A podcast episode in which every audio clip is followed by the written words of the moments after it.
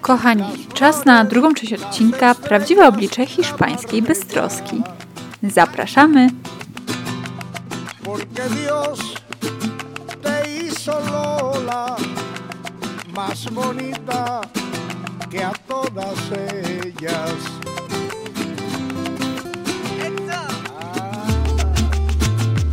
Architektura, kolory tej architektury. No ja chodzę ulicami Hiszpanii i zachwycam się i cieszę się każdym krokiem i oddechem. To tak na mnie wpływa po prostu. Też różnorodność krajobrazu, jeśli ogólnie mówimy o Hiszpanii. Morza, góry, wręcz mają dostęp do morza z trzech stron.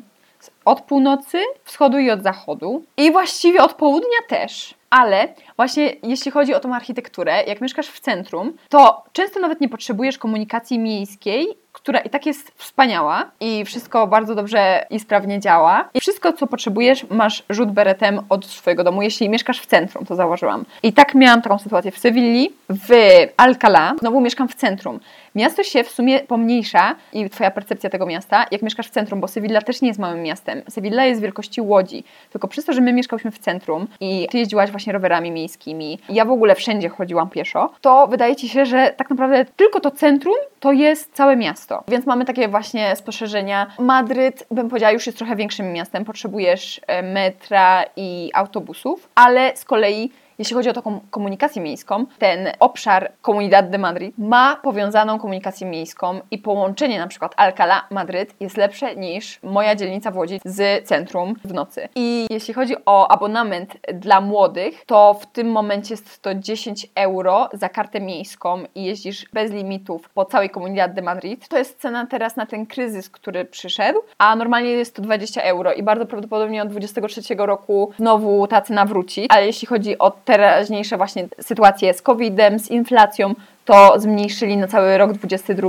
więc jeśli chodzi o połączenie tego wszystkiego, to po prostu bardzo dobrze to działa. Kolejnym punktem to jedzenie, które jest bardzo ważne dla Hiszpanów. Jeśli chodzi o mnie, ja jestem team oliwa i wino, a nie piwo i masło, bo Europa w sumie, kiedyś usłyszałam, dzieli się właśnie na część wino z oliwą i na masło z piwem, więc Hiszpania jakoś wpisuje się w moje przyzwyczajenia kulinarne. I jest dużo opcji wegańskich, wegetariańskich w sklepach, niekoniecznie w restauracjach. To zależy, bo jeżeli jest restauracja bardzo tradycyjna, to może być z tym problem. To pamiętamy, jak szukałyśmy restauracji. Akurat Walencja na przykład. W Walencji było mnóstwo wegańskich restauracji, jak pamiętasz, ale jeżeli chciałyśmy pójść do restauracji hiszpańskiej, to czytałyśmy całą kartę i dosłownie albo mięso, albo ryba, albo w ogóle mariscos, czyli owoce morza. Więc tak sprawa się przedstawia, że obydwie w ogóle przeszłyśmy na dietę wegetariańską w Hiszpanii. Więc to też jest ważne do wspomnienia, że w jakiś sposób to o całe otoczenie, cały klimat nas do tego popchnął. W ogóle Greczynka, moja kompi z Sewilli, ona też przeszła na wegetarianizm w Sewilli, kochana.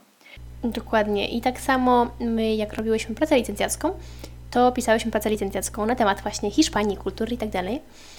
I przeglądając różne statystyki, natknęłyśmy się na bardzo ciekawe zdanie, że Hiszpanie chodzą częściej do barów niż do kościoła. Więc nam nasuwa się taki wniosek, że Hiszpania jest mniej religijna niż Polska. Nie oznacza, że religijna nie jest, ponieważ jest bardzo dużo Hiszpanów, którzy są religijni, tak? Chodzą do kościoła i tak dalej. Na przykład Semana Santa, czyli Wielki Tydzień, jest bardzo ważnym świętem dla wielu, wielu, wielu Hiszpanów. I na przykład ty masz zna znajomego, tak? To był chyba brat twojej profesory? Tak, to był brat profesorki hiszpańskiego. I ona powiedziała, to było zaraz przed COVID-em, mieliśmy zajęcia jeszcze stacjonarne i ona powiedziała, słuchajcie, no tutaj pojawiają się plotki, że mogą odwołać Semany Sante, która była pierwsza wcześniej niż e, Feria de Sevilla. Jeszcze wtedy wszyscy byli przekonani, że Feria de Sevilla się odbędzie. No ale ta Semana Santa tak rzut beretem, taki miesiąc do tego został.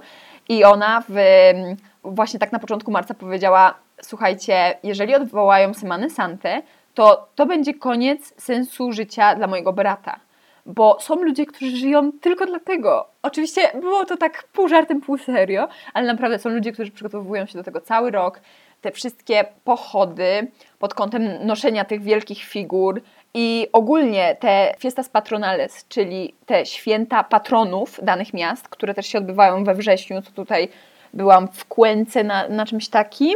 W Madrycie też były. Ogólnie każde miasto i miasteczko ma swojego patrona i jak jest dzień tego patrona, to jest jedna wielka fiesta. I są właśnie takie pochody, wielkie figury i tak dalej. Dla tych ludzi jest to bardzo ważne. Sam fakt, że te miasta mają swoich patronów, którzy przecież też, to się wszystko wywodzi z religii. Więc z jednej strony Hiszpania faktycznie jest trochę mniej religijna niż Polska, coraz więcej młodych ludzi też odchodzi od religii. Kościoły też są bardziej zasymilowane z architekturą. Nie wiem, czy zauważyłaś. Że faktycznie są katedry, które są osobno, ale jest wiele kościołów, które po prostu są w jakimś na przykład historycznym budynku, jest Casco Antiguo, są budynki takie same i w danej kamienicy jest kościół. Co ja tak w Sewilli pewnego dnia sobie zdałam sprawę, kurczę, no ale jest ta katedra, jest Hiralda, ale tak to nie widziałam żadnych kościołów. A one są faktycznie, widać krzyż właśnie na drzwiach czy coś, ale są bardziej wbudowane. Nie jest tak, że każdy kościół jest osobno.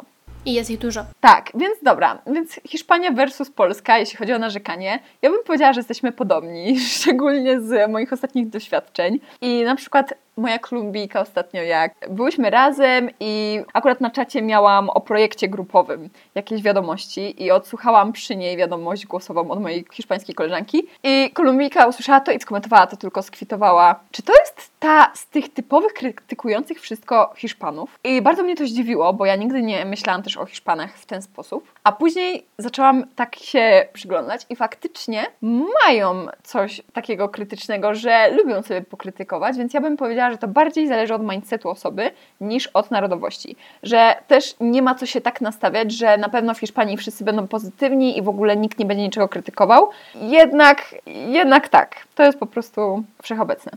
Tak, właśnie, to jest kwestia osoby, a nie narodowości. Dlatego ja też nie lubię generalizować, że wszyscy Polacy są narzekający, wszyscy są negatywni, bo to nie jest prawda. Ja jestem Polaką i nie uważam się za osobę bardzo negatywną, chociaż też lubię sobie czasami ponarzekać, nie będę ukrywać. Ale no, to jest kwestia po prostu osoby. Wiesz co? Najbardziej polskie to jest narzekanie na narzekających Polaków. To jest prawda, tak, zdecydowanie się zgadzam. No i właśnie też jeszcze trzeba tutaj zaznaczyć, że Hiszpania ogólnie rzecz ujmując jest bardziej liberalna niż w Polska, na przykład jeżeli chodzi o legalne małżeństwa homoseksualne, czy też na przykład legalną aborcję.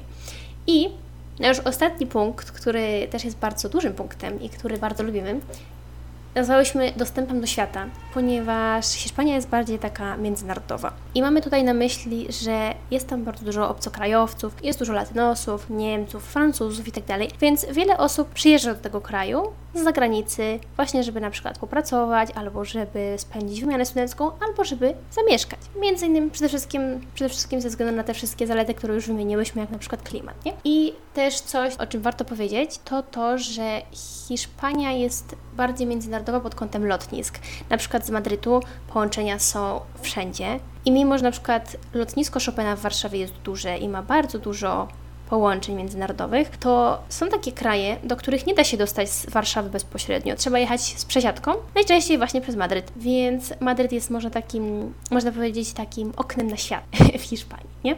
Tak, jeszcze do tego Barcelona też ma przecież duże lotnisko, które też ma różne bezpośrednie połączenia z wieloma egzotycznymi kierunkami. Więc tak naprawdę Alicante też ma wielkie lotnisko, też w sumie dosyć międzynarodowe. Oczywiście tym głównym jest to madryckie, więc jest wiele tych lotnisk, które otwierają to okno na świat na różne kierunki. Więc podsumowując, w Hiszpanii żyje się wygodnie. To jest dobra relacja zarobki i wydatki. Minimalna pensja to 1000 euro, żeby tak wspomnieć. Ogólnie przy, przyjaźnie z całego świata można nawiązywać, ponieważ jest mnóstwo tych mniejszości narodowych i różnych osób, które przyjeżdżają i szukają szczęścia w Hiszpanii. I ogólnego rodzaju wygoda, jeśli chodzi o klimat, klimat, architekturę, eventy, gdzie też różnego rodzaju koncerty na przykład. Ja czekam na kilku artystów i najbardziej prawdopodobne, że przyjadą do Madrytu albo w ogóle do Hiszpanii i wreszcie Europy się w ogóle nie pojawią, no bo są to artyści latynoscy, więc jest to pewnego rodzaju okno na świat i mieszanka tych kultur latynoskiej i europejskiej. Dokładnie. I właśnie wspomniałyśmy o kilku takich wadach, tak, Hiszpanii, ale koniec końców, ty myślisz o tym, żeby w Madrycie zostać na stałe, żeby tam wrócić i pracować z Madrytu, nie? Jakby bierzesz też pod uwagę Meksyk, ale Hiszpania zdecydowanie jest na celowniku, że tak to ujmę. I coś, o czym ja niewielu osobom w sumie wspominałam, więc niektórzy mogą się trochę zdziwić, ponieważ w tej chwili mieszkam w Ameryce Łacińskiej i kocham to, ale zastanawiam się nad powrotem do Europy później. Może to będzie Hiszpania, może to będzie Francja, na pewno nie Polska. Sorry, ale być nigdy może Hiszpania nie mów nigdy. Względu... nigdy nie mów nigdy, nie? Myślę, że Na ten moment uważam, że do Polski nie wrócę, tylko właśnie, żeby odwiedzać rodzinę i znajomych, ale nie lubię właśnie słowa nigdy, ponieważ przyszłość jest tak naprawdę niepewna i nie wiemy, co się zdarzy. Natomiast w tej chwili też trochę zaczynam bardziej doceniać Hiszpanię i Europę pod kątem nawet nie tyle wygody, ale też właśnie dystansu i bliskości do, do Polski. Że na przykład jeżeli coś się dzieje w Twojej rodzinie, to wsiadasz w jeden samolot, 2-3 godziny i jesteś tak naprawdę, nie? Natomiast z Ameryki, no niestety nie jest to taka przyjemna wizja, nie? Jakby ja mam świadomość, że jeżeli by się coś nagle stało i miałabym teraz wrócić, to to jest ponad 18 godzin w podróży. Po prostu. Dlatego, tak jak wspomniałaś, wygoda. Tak, a do tego jeszcze przesunięcie czasowe. Ja ostatnio wracałam z Kolumbii 24 godziny plus 7 godzin zmiany czasowej. To w sumie jest 31 godzin, jeśli chodzi o taką nominalną różnicę czasową, że ja tam wróciłam po jednym dniu. Też zaczęłam o tym bardzo myśleć tam i szczególnie pod takim kątem później cena takiego powrotu, która jest zupełnie inna. Jeżeli coś się dzieje, to ty nie możesz zaplanować tego na za dwa miesiące czy na za dwa tygodnie. Ty potrzebujesz bilet na już, na dziś, na jutro, oczywiście na ten tydzień. Więc no faktycznie jest to też Europa, jest to też nasza kultura i nasze realia, do których jesteśmy przyzwyczajone. Ja już o tym myślę, wspomniałam. Prawdopodobnie nagramy jeszcze o tym jakiś odcinek i tyle. Więc ta Hiszpania faktycznie jest bardzo kuszącym kierunkiem. Jeśli ktoś w ogóle też bardzo lubi kulturę latynoską, to jest to takie fajne połączenie europejskiego stylu bycia, stylu życia, bezpieczeństwa, realiów i warunków też, czy do pracy i tak dalej, bo jednak jako obywatele Europy tutaj nie potrzebujemy wiz, nie potrzebujemy różnych, różnego typu pozwoleń, żeby pracować, więc jest to bardzo praktyczne i tak naprawdę w porównaniu właśnie z tutaj z Latynoameryką, to jest to o wiele wygodniejsze i łatwiejsze po prostu przeprowadzenie się do Hiszpanii i rozpoczęcie pracy. Tak, i tak samo y, kwestia pieniężna, o których my już wspominałyśmy, to jest to łatwiej wysłać przelew do Hiszpanii, sorry, bo to jest wewnątrz Unii Europejskiej, a nie przelew międzynarodowy, z którym miałam do czynienia co miesiąc. Dlatego zdecydowanie myślę, że można podsumować Hiszpanię słowem wygoda. I mamy nadzieję, że spodobał Wam się ten odcinek, który podzieliłyśmy na dwie części i ukazałyśmy Wam troszkę prawdziwsze oblicze tej hiszpańskiej beztroski. Wnioski możecie wysnuć sobie sami. To są po prostu nasze doświadczenia. Mamy nadzieję, że posłuchacie nas w następnym miesiącu, ponieważ już za miesiąc ukaże się kolejny odcinek naszego polskiego podcastu, w którym opowiemy o współlokatorach i właścicielach. Realia mieszkania z kimś i w wynajmowanych mieszkaniach.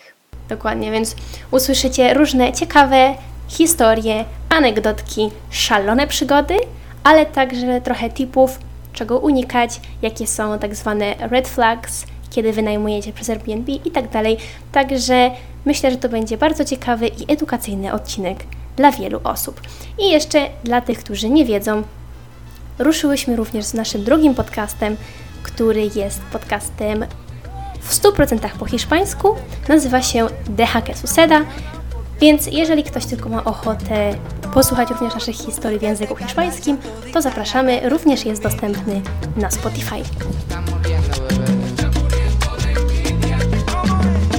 Do usłyszenia!